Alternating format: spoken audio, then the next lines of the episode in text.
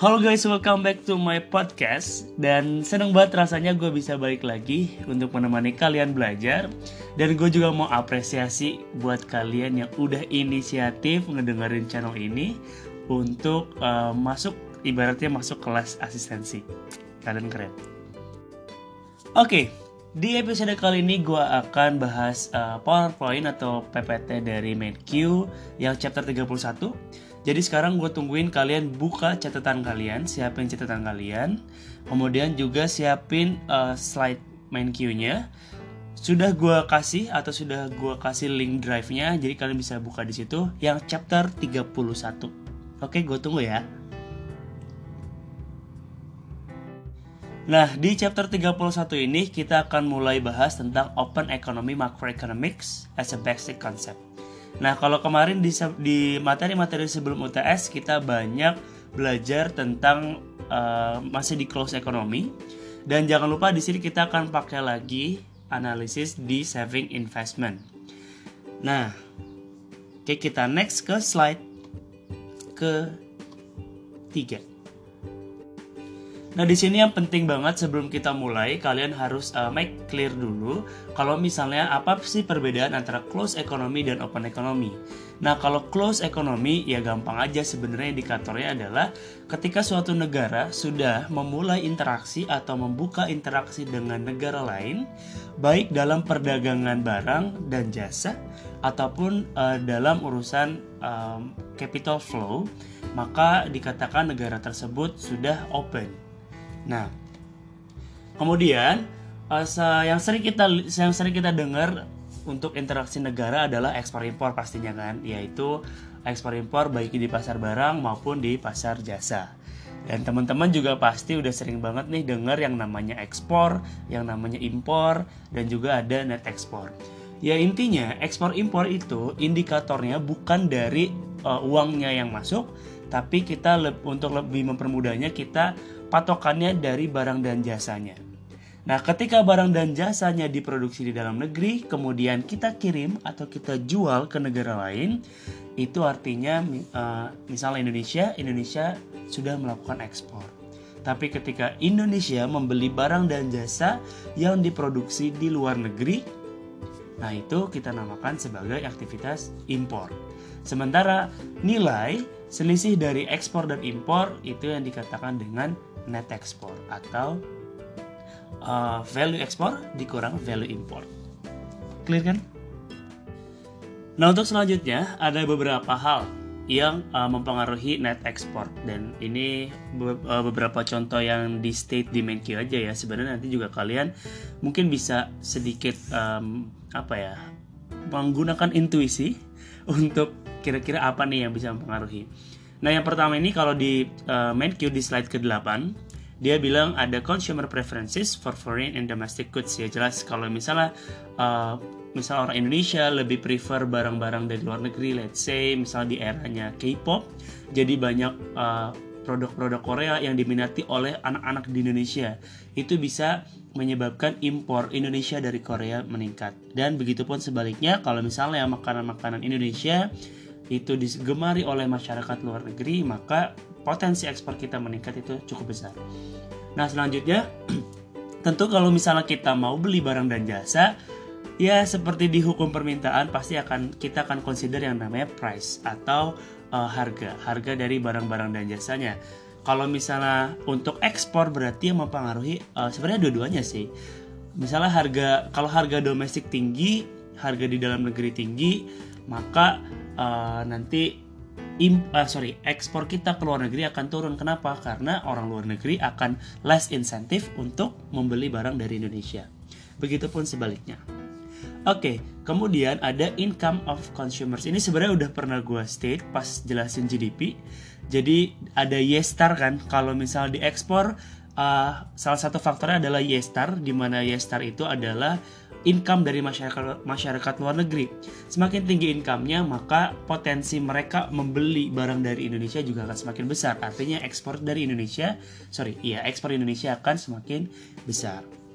Dan sebaliknya, kemudian nih ciri khasnya kalau di pasar internasional ada uh, pengaruh dari exchange rates karena ini adalah konsekuensi dari penggunaan mata uang yang berbeda. Jadi semakin kuat exchange rate semakin kuat ya. Misalnya uh, semakin kuat rupiah terhadap dolar, maka peluang kita untuk ekspor, sorry, peluang kita untuk impor itu akan semakin besar. Karena apa? Karena uh, harga harga harga barang di uh, Amerika itu cenderung atau relatif lebih murah. Nah, misalnya awalnya satu dolar itu 14.000, kemudian sekarang satu dolar menjadi 10.000. Nah, walaupun secara nominal seolah-olah turun, karena apa? Karena ini adalah konsekuensi sebenarnya penulisan dari exchange rate adalah satu per. Jadi awalnya satu rupiah sama eh, satu dolar seharga satu per 14.000, sekarang satu dolar seharga satu per 10.000. Maka yang awalnya kita perlu 14.000 untuk membeli barang di Amerika yang berharga 1 dolar. Sekarang kita hanya butuh 10.000 untuk membeli uh, barang di Amerika yang harganya 1 dolar. Kayak gitu. Clear ya? Nah, selanjutnya ada transportation cost. Nah, termasuk di sini uh, misalnya ya biaya angkutnya dan segala macam. Kemudian ada government policies yaitu ya kebijakan dari pemerintah itu bisa berupa embargo atau misalnya dumping atau misalnya bisa juga tarif. Kenapa? Nah, kadang tarif ini, tarif itu kan adalah uh, biaya yang harus dikeluarkan misalnya tarif impor. Berarti ketika kita membeli barang dari luar negeri akan dikenakan ya semacam pajak atau extra cost yang biasanya sih kalau uh, kalau biasanya itu dimasukkan ke dalam atau dianggap sebagai transportation cost. Jadi ketika tarifnya semakin tinggi, maka less insentif untuk impor dari luar negeri. Kalau kasusnya tarif impor, tapi ada juga tarif ekspor. Kemudian embargo, embargo itu pelarangan, uh, ya seperti itu. nah, untuk itu tadi di slide ke-8 Nah untuk selanjutnya kita akan bahas tentang lebih ke NX sih. Jadi ada trade surplus dan uh, defisit. Nah, ya NX atau net export itu kan mengukur ekspor, ingat ya, ekspor dikurang impor. Berarti kalau misalnya kita mengalami defisit, artinya apa? Si impornya yang lebih besar daripada ekspor. Kalau surplus sebaliknya, ketika ekspor kita lebih besar daripada impornya. Dan uh, net export juga bisa balance alias ekspornya sama dengan impornya. Ini value-nya ya.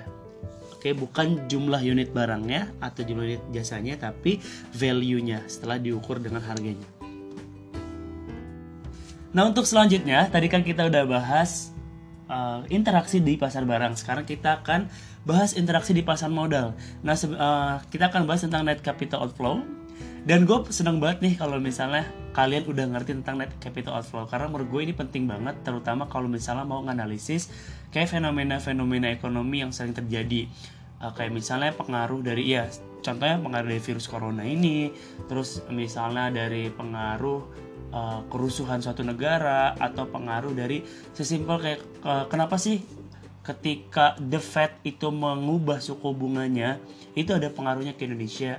Ataupun kenapa sih ketika corona, coronavirus ini Bank Indonesia naikin suku bunga misalnya seperti itu? Nah itu kalian bisa analisis melalui net capital flow ini. Jadi kalian juga bisa jelasin nih ke orang tua kalian atau ke teman-teman kalian tentang fenomena ekonomi. Pokoknya kalau udah ngerti ini menurut gue ini adalah apa ya ini yang membuat kalian menjadi pemahaman itu bisa lebih dalam dan lebih luas dan juga bisa kelihatan pintar gitu loh oke okay.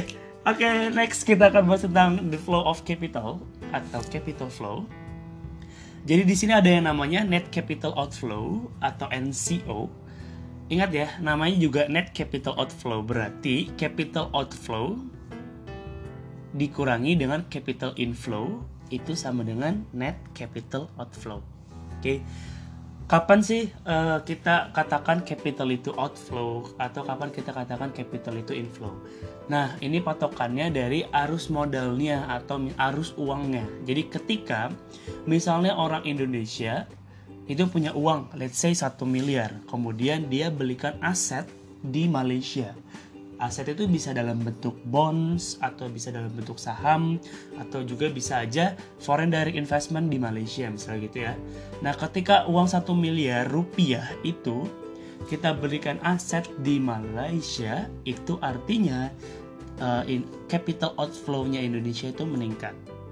Dan sebaliknya kalau misalnya orang Jepang atau misalnya McDonald, McDonald buka uh, apa ya atau jangan McDonald deh misalnya Nike. Nike buka pabrik di Indonesia. Maka kan ada harus uang tuh masuk dari uh, dari negara asalnya kemudian masuk ke Indonesia.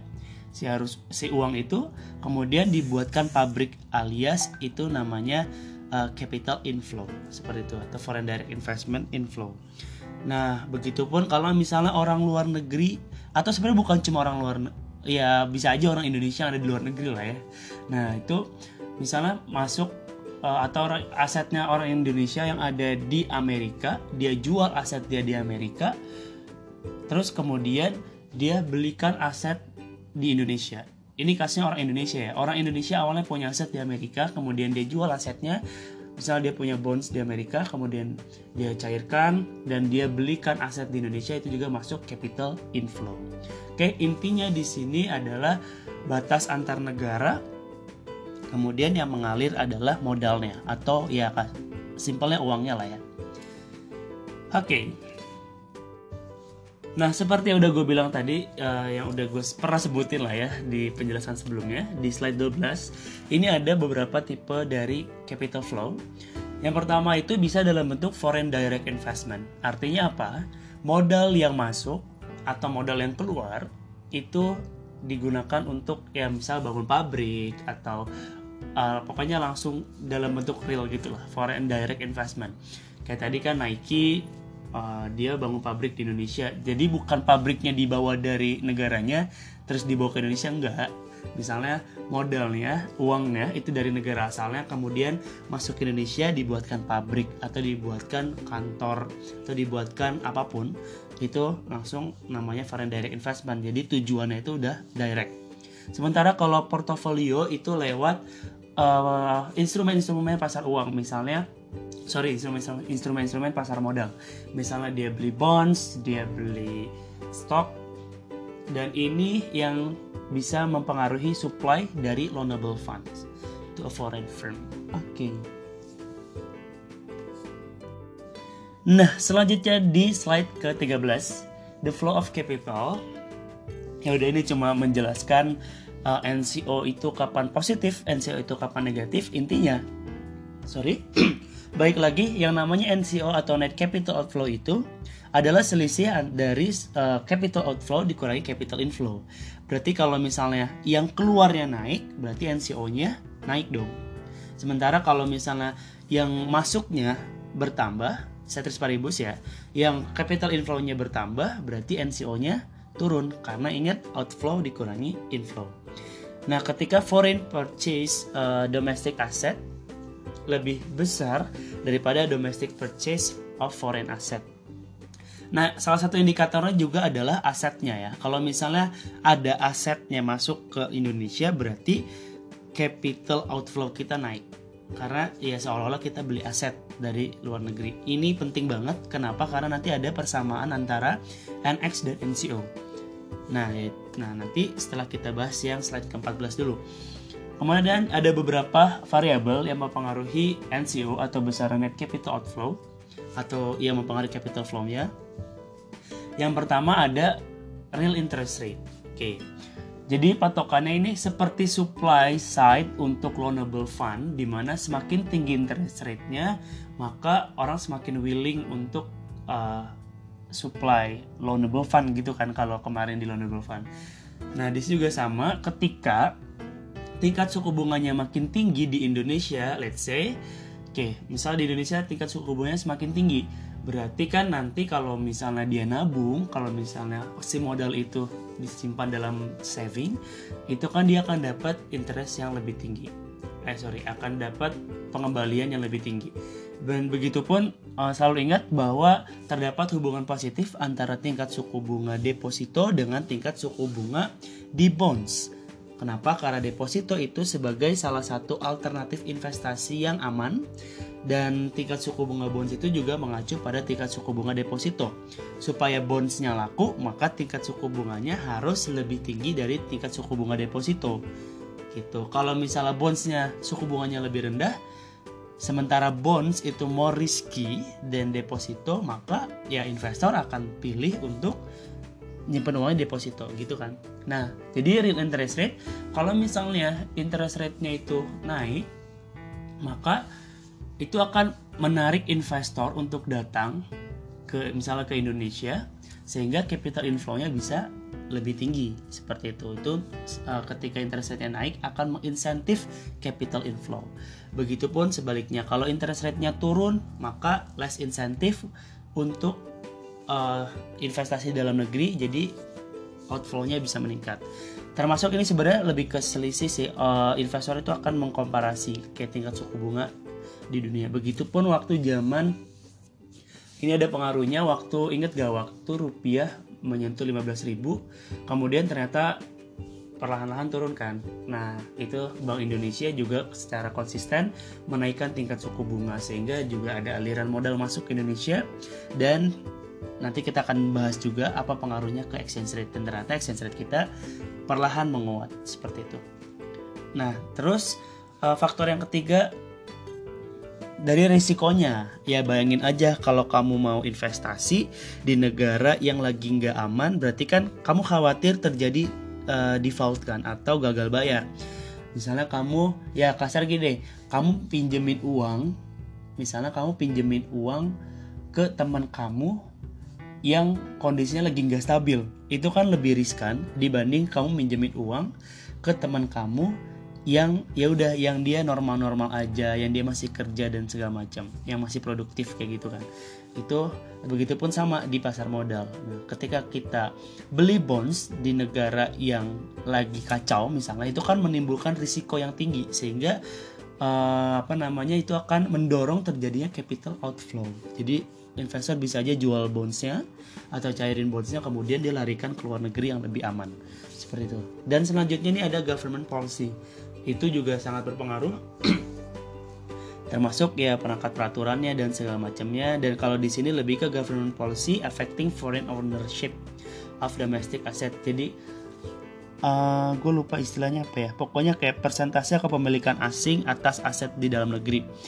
Kan itu ada, dibatasin tuh kalau batasnya semakin uh, dilonggarkan berarti kan akan mendorong orang untuk inflow tapi kalau batasnya semakin diperketat itu ya yang inflow akan semakin sedikit kan dan justru relatif outflow-nya akan meningkat. Ini yang kemarin uh, sempat dibahas juga di beberapa ya tahun lalu kalau nggak salah di paket kebijakan ekonomi kalau nggak salah pernah dibahas deh tentang kepemilikan asing. Oh ingat yang ini nggak? Kepemilikan asing untuk UMKM. Nah itu peraturan juga akan mempengaruhi capital flow ini. Selanjutnya di slide ke-16 ada the the equality of NX and NCO. Jadi NX ini sama dengan NCO. Kenapa? Kalau di main Q dia menjelaskan bahwa ada korelasi yang positif antara NX dan NCO. Jadi arises because every transaction that affect NX also affect NCO by the same amount and vice versa. Misalnya gini, kalau misalnya US import rice, misalnya kalau di sini kasusnya US ya kita ganti ke Indonesia nah misalnya Indonesia impornya naik nih berarti kan NX-nya false oke okay? nah kalau NX-nya false kemudian berarti kan ketika tadi kasusnya Indonesia impor dari luar negeri. Nah berarti orang Indonesia akan bayar either pakai mata uang atau pakai currency atau dia bayar pakai aset gitu kan. Artinya apa? Ada aset yang ke luar negeri. Oke, sehingga itu mengindikasikan ada capital inflow. Oke, ya kasar gini deh. Kalau kita beli aset ke luar negeri, um, sorry, kalau misalnya orang luar negeri beli aset ke kita, berarti kan aset kita dipegang orang luar negeri. Berarti ada uang masuk dong. Nah, itu kan capital inflow. Ini juga sama. Berarti ketika orang Indonesia impor dari luar negeri, kemudian uh, orang Indonesia bayarnya pakai aset berarti kan ada aset yang keluar terus berarti kan sebaliknya seolah-olah ada uang yang masuk kan nah itu uh, sebagai salah satu apa ya ibaratnya capital inflow-nya naik gitulah kalau di Menke jelasnya seperti itu nah begitupun kalau misalnya orang Indonesia ekspor nih orang Indonesia ekspor ke Jepang misalnya NX-nya Indonesia pasti naik kan nah orang Jepang itu bisa bayar pakai currency atau bayar pakai aset Nah, kalau kita kalau orang Jepang bayar pakai aset, berarti kan ada aset masuk. Nah, kalau aset masuk itu kan berarti capital outflow kan. Kenapa? Karena ada modal yang keluar. Nah, misalnya di pasar modalnya deh. Ketika orang Indonesia beli modal di Jepang, eh beli bonds dari Jepang. Berarti kan uang keluar tuh outflow. Kemudian bondsnya alias asetnya masuk ke Indonesia. Nah, itu tuh dianalogikan uh, seperti itu. Makanya ketika NX-nya naik alias ekspornya naik, NCO-nya juga akan naik. Kenapa? Karena ya ada capital outflow alias di situ ada aset dari luar negeri yang masuk ke Indonesia. Asetnya bukan bukan modal ya, tapi asetnya. Oke. Okay. Nah, selanjutnya di sini ada di slide nomor 17 ada saving investment and international flows of goods and assets. Nah, di sini kita pakai persamaan ingat ya yang di sisi supply side untuk uh, loanable fund. Jadi kan di persamaan di uh, agregat demand dan agregat supply atau di GDP itu ada Y sama dengan C plus I plus G plus NX kalau open economy. Kemudian kita pindah ruaskan yang C G-nya jadi Y minus C minus G sama dengan I plus NX. Di mana ingat kan Y minus C minus G itu adalah apa? Iya, national saving. Makanya kita bisa bilang Y minus C minus G adalah S di mana S sama dengan I plus NX dan NX itu sama dengan NCO. Berarti S atau saving sama dengan I plus NCO. Nah, di sini nih penting banget nih. Kemarin beberapa orang mungkin pernah dengar tentang saving investment gap.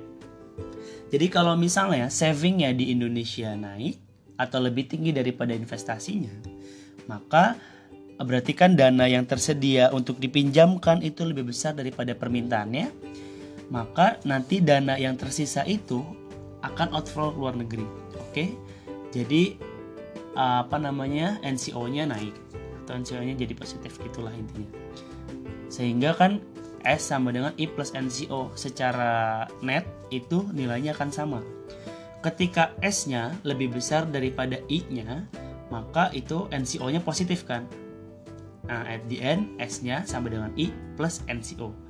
Gitu bayangin kalau nggak ada NCO berarti kan ketika kalau NCO-nya nggak ada nih ya, bayangin NCO-nya nggak ada. Berarti saving sama dengan sama dengan investment aja. Ketika savingnya lebih tinggi daripada investasinya, berarti kan ada gap kan. Nah, sekarang kita masukkan NCO-nya. Nah, si gapnya itu kelebihan savingnya itu akan ke luar negeri. Nah, makanya ada NCO di sini at the end savingnya akan equals to I plus NCO. Nah, sorry, begitupun sebaliknya nih, kalau misalnya savingnya lebih kecil daripada NCO-nya, berarti kan kebutuhan dana di dalam negeri itu lebih besar daripada yang tersedia, gitu kan. Nah, nanti itu akan menarik investor dari luar negeri, jadi supply-nya itu tambah gitu loh, ngerti kan? Nah, itu at the end secara net akan menjadi saving equals to I plus NCO juga, gitu. Nah selanjutnya sebagai salah satu konsekuensi dari kita open economy adalah kita harus bahas tentang nominal dan real exchange rate atau nilai tukar alias kurs. Nah, kurs itu ada dua, ada kurs nominal sama ada kurs real.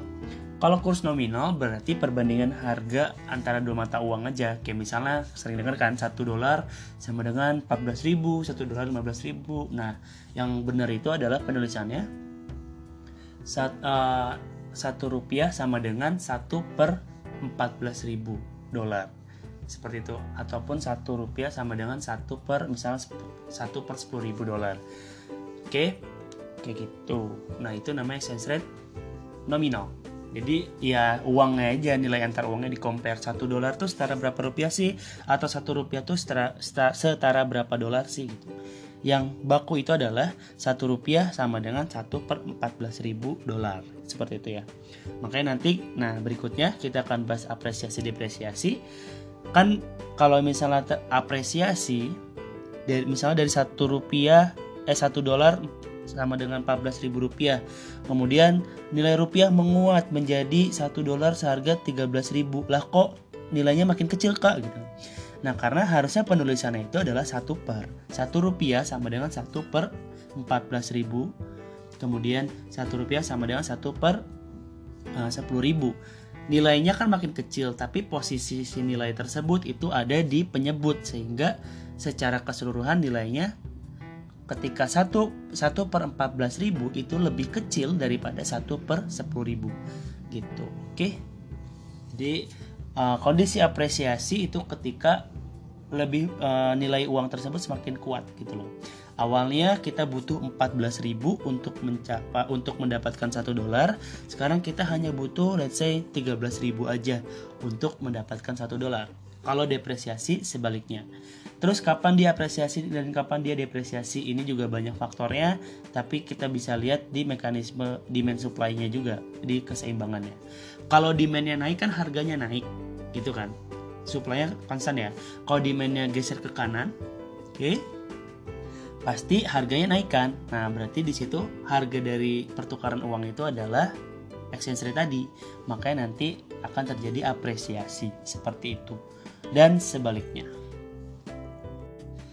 Selanjutnya kita akan bahas tentang real exchange rate. Nah, real exchange rate itu apa sih? Intinya kalau real exchange rate itu jadi dia melihat nilai dari suatu mata uang ketika dibelikan dengan harga atau dengan barang di luar negeri kayak gitu. Jadi misalnya satu rupiah ini bisa beli berapa permen sih di Jepang gitu. Atau satu, uh, satu rupiah ini seharga berapa sepatu sih di Amerika, let's say seperti itu. Nah untuk rumusnya sendiri real exchange rate itu sama dengan exchange rate nominal dikali harga per harga luar negeri. Jadi sebenarnya ini adalah uh, perbandingan antara harga domestik dibagi dengan harga luar negeri. Ingat, harga domestik itu kan uh, masih dalam bentuk rupiah kan. Maka kita harus convert dulu ke dolar. Makanya kenapa dia harus dikali exchange rate nominal dulu. Gitu, oke? Okay? Jadi ketika kita sudah mengalihkan exchange rate nominal dengan harga domestik, maka itu sudah apple to apple untuk di compare dengan harga di luar negeri. Seperti itu. Nah, jadi intinya real exchange rate itu rumusnya perbandingan harga domestik dengan harga luar negeri. Seperti itu. Nah, kemudian uh, contohnya di sini dia pakai Big Mac. Kenapa? Karena ada yang namanya Big Mac Index juga. Jadi dia biasanya suka dijadikan indikator gitu. Big Mac Index alasannya kalau kata Pak Kiki Veriko itu dulu beliau bilang kenapa pakai Big Mac karena Big Mac itu karena McD itu diasumsikan ada di semua negara gitu. Terus ada uh, beliau juga bilang ada juga yang mengatakan kenapa pakai Big Mac karena Big Mac itu lengkap paketnya karbohidratnya ada proteinnya ada sayurannya ada ya pokoknya seperti itulah. Nah di sini dia pakai Big Mac ya. Contohnya a Big Mac cost 2,5 dolar di US di sementara di Jepang Big Mac itu harganya 400 yen. Oke, sementara exchange rate-nya itu sama dengan 120 yen per US dollar. Oke. Nah, berarti exchange rate nominal, uh, exchange rate kita akan cari uh, price domestik dalam bentuk yen. Makanya kita kalikan exchange rate-nya dikali dengan harganya. Jadi 120 yen per dolar dikali dengan 2,5 harga Big Mac di USA. Itu setara 300 yen per US Big Mac. Oke. Jadi kalau misalnya kamu beli Big Mac di US, kamu butuh 300 yen. Oke, nanti kayak gitu. Terus kita akan mengkomparasi kedua harga tersebut. Yaitu 300 yen per US Big Mac dibagi 400 yen per Japanese Big Mac. Hasilnya 0,75 Japanese Big Mac per US Big Mac. Nah, cara interpretasinya gimana? Artinya gini, untuk membeli Big Mac di Amerika, oke, okay, orang Jepang harus mengorbankan 0,75 Big Mac di Jepang. Artinya, satu Big Mac di Amerika itu seharga 0,75 Big Mac di Jepang aja gitu. Berarti siapa yang lebih kuat? Nah, coba kalian pikirkan ya. nah, berarti kan ya seperti itu. Jadi satu Big Mac di Amerika itu setara dengan 0,75 Big Mac doang di Jepang. Seperti itu. Oke. Nah itu tadi real exchange rate dan nominal exchange rate. Nah begitu pun sama halnya ketika misalnya kalau tadi kan kita komparasinya harga satu jenis barang aja kan. Terus gimana kak kalau misalnya harganya uh, sorry barangnya banyak ya udah berarti kan price-nya pakai price index. Nah udah diajarin kan kemarin price index. Nah itu kan harga agregat gitu. Nah selanjutnya kita akan bahas tentang the law of one price. Ini adalah ini penting banget buat nanti kalian bisa mengerti yang namanya purchasing power parity. Nah, law of one price ini adalah kondisi ketika semua harga di semua eh ya harga-harga semua barang di seluruh negara itu jadi sama. Itu akibat dari apa? Akibat sudah tidak adanya arbitrase. Oke, arbitrase itu apa sih? Arbitrase itu fenomena seperti ini nih misalnya. Harga beras di Jepang itu lebih murah dibanding harga beras di Amerika. Maka orang-orang itu akan mengambil keuntungan kan? Nanti orang-orang akan beli beras di Jepang, oke? Okay? Kemudian jualnya di Amerika. Nah, kalau itu terjadi secara terus-menerus, lama-kelamaan kan demand terhadap beras Jepang akan meningkat, harga beras di Jepang akan meningkat kan? Sementara itu kan mereka jualnya ke Amerika, yang mana awalnya harga di Amerika itu mahal. Oke, jadi nanti supply-nya di Amerika kan lama-lama bertambah. Oke, Terus akibat supply bertambah nanti harganya turun. Nah, di Jepang perlahan harganya naik, di Amerika perlahan harganya turun. Nanti akan mendapatkan at the end harganya akan sama. Seperti itu. Oke? Ngerti ya? Itu adalah arbitrase yang menyebabkan law of one price. Nah, selanjutnya masuk ke purchasing power parity-nya nih. Nah, purchasing power parity adalah a theory of exchange rate whereby a unit of any currency should be able to buy the same quantity of goods in all countries. Artinya apa? Jadi setiap uh, apa namanya ketika suatu mata uang beli barang di satu negara dapat X unit, maka ketika dia beli barang di negara lain juga dengan uang yang sama, dia akan dapat sebanyak X unit juga. Kayak gitu. Jadi ya daya belinya ya sama lah untuk di semua negara, untuk di semua market juga gitu. Nah, artinya apa? At the end berarti nominal exchange rate itu tergantung dari perbandingan harga domestik dengan harga luar negeri aja. Nah, nanti kita ke slide 33 di situ ada rumusnya. Kan tadi purchasing power parity itu terjadi akibat ada law of one price kan. Artinya price domestik sama dengan price luar negeri. Seperti itu. Makanya uh, di situ ada exchange rate nominal dikali price domestik. Kenapa dikali exchange rate terminal dulu? Biar apple to apple gitu kan. Berarti kan harga di domestik sama dengan harga di luar negeri.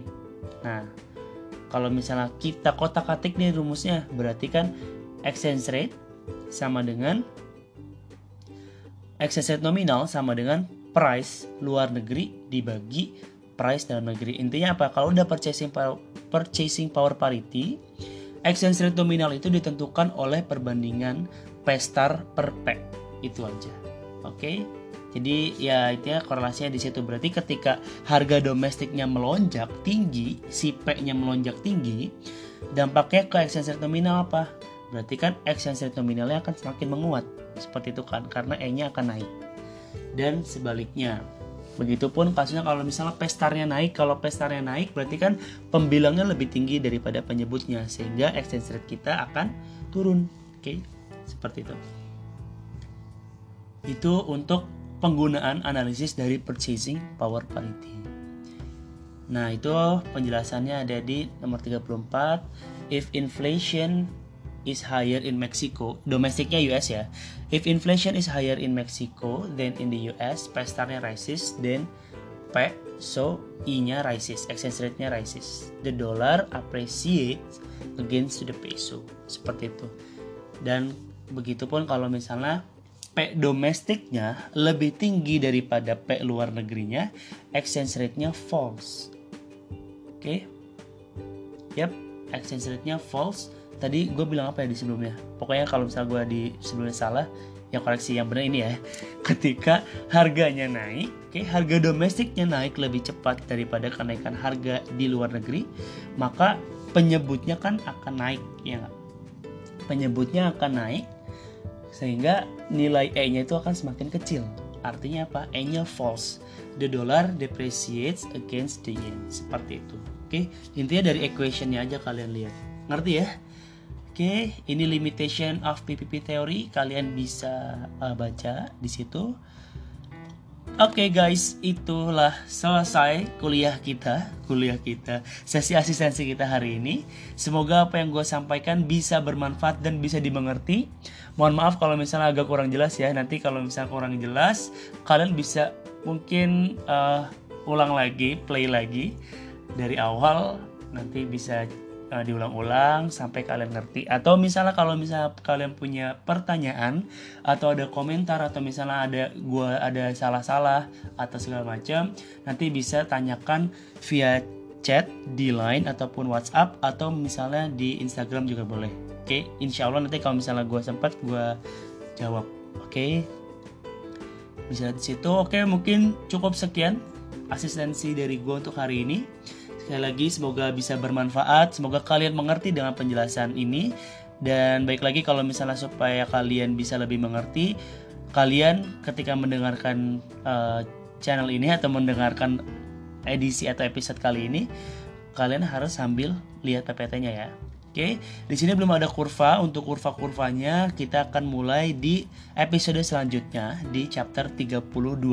Oke, nah itu nanti kalian harus banget megang kertas dan megang pulpen sambil gambar kurvanya. Oke.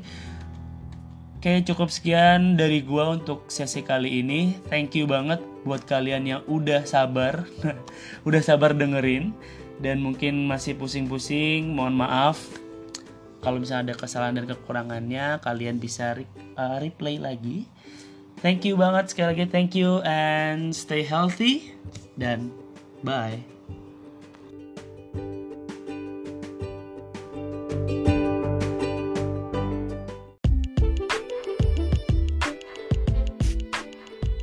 Well, halo guys, welcome back to my podcast. Dan seperti biasa, gue mau ngucapin terima kasih dan apresiasi setinggi-tingginya buat kalian yang udah mau dengerin channel podcast ini. Oke, di episode kali ini gue akan bahas kelanjutan dari MenQ untuk chapter ke-32. Dan buat kalian yang belum punya PowerPoint-nya, silahkan kalian akses dulu atau kalian download dulu dan siapkan PowerPoint-nya. Kalian bisa akses di bit.ly slash atau, uh, sorry, hurufnya kecil semua. Tulisannya itu bit.ly slash. Oke, gue tunggu ya.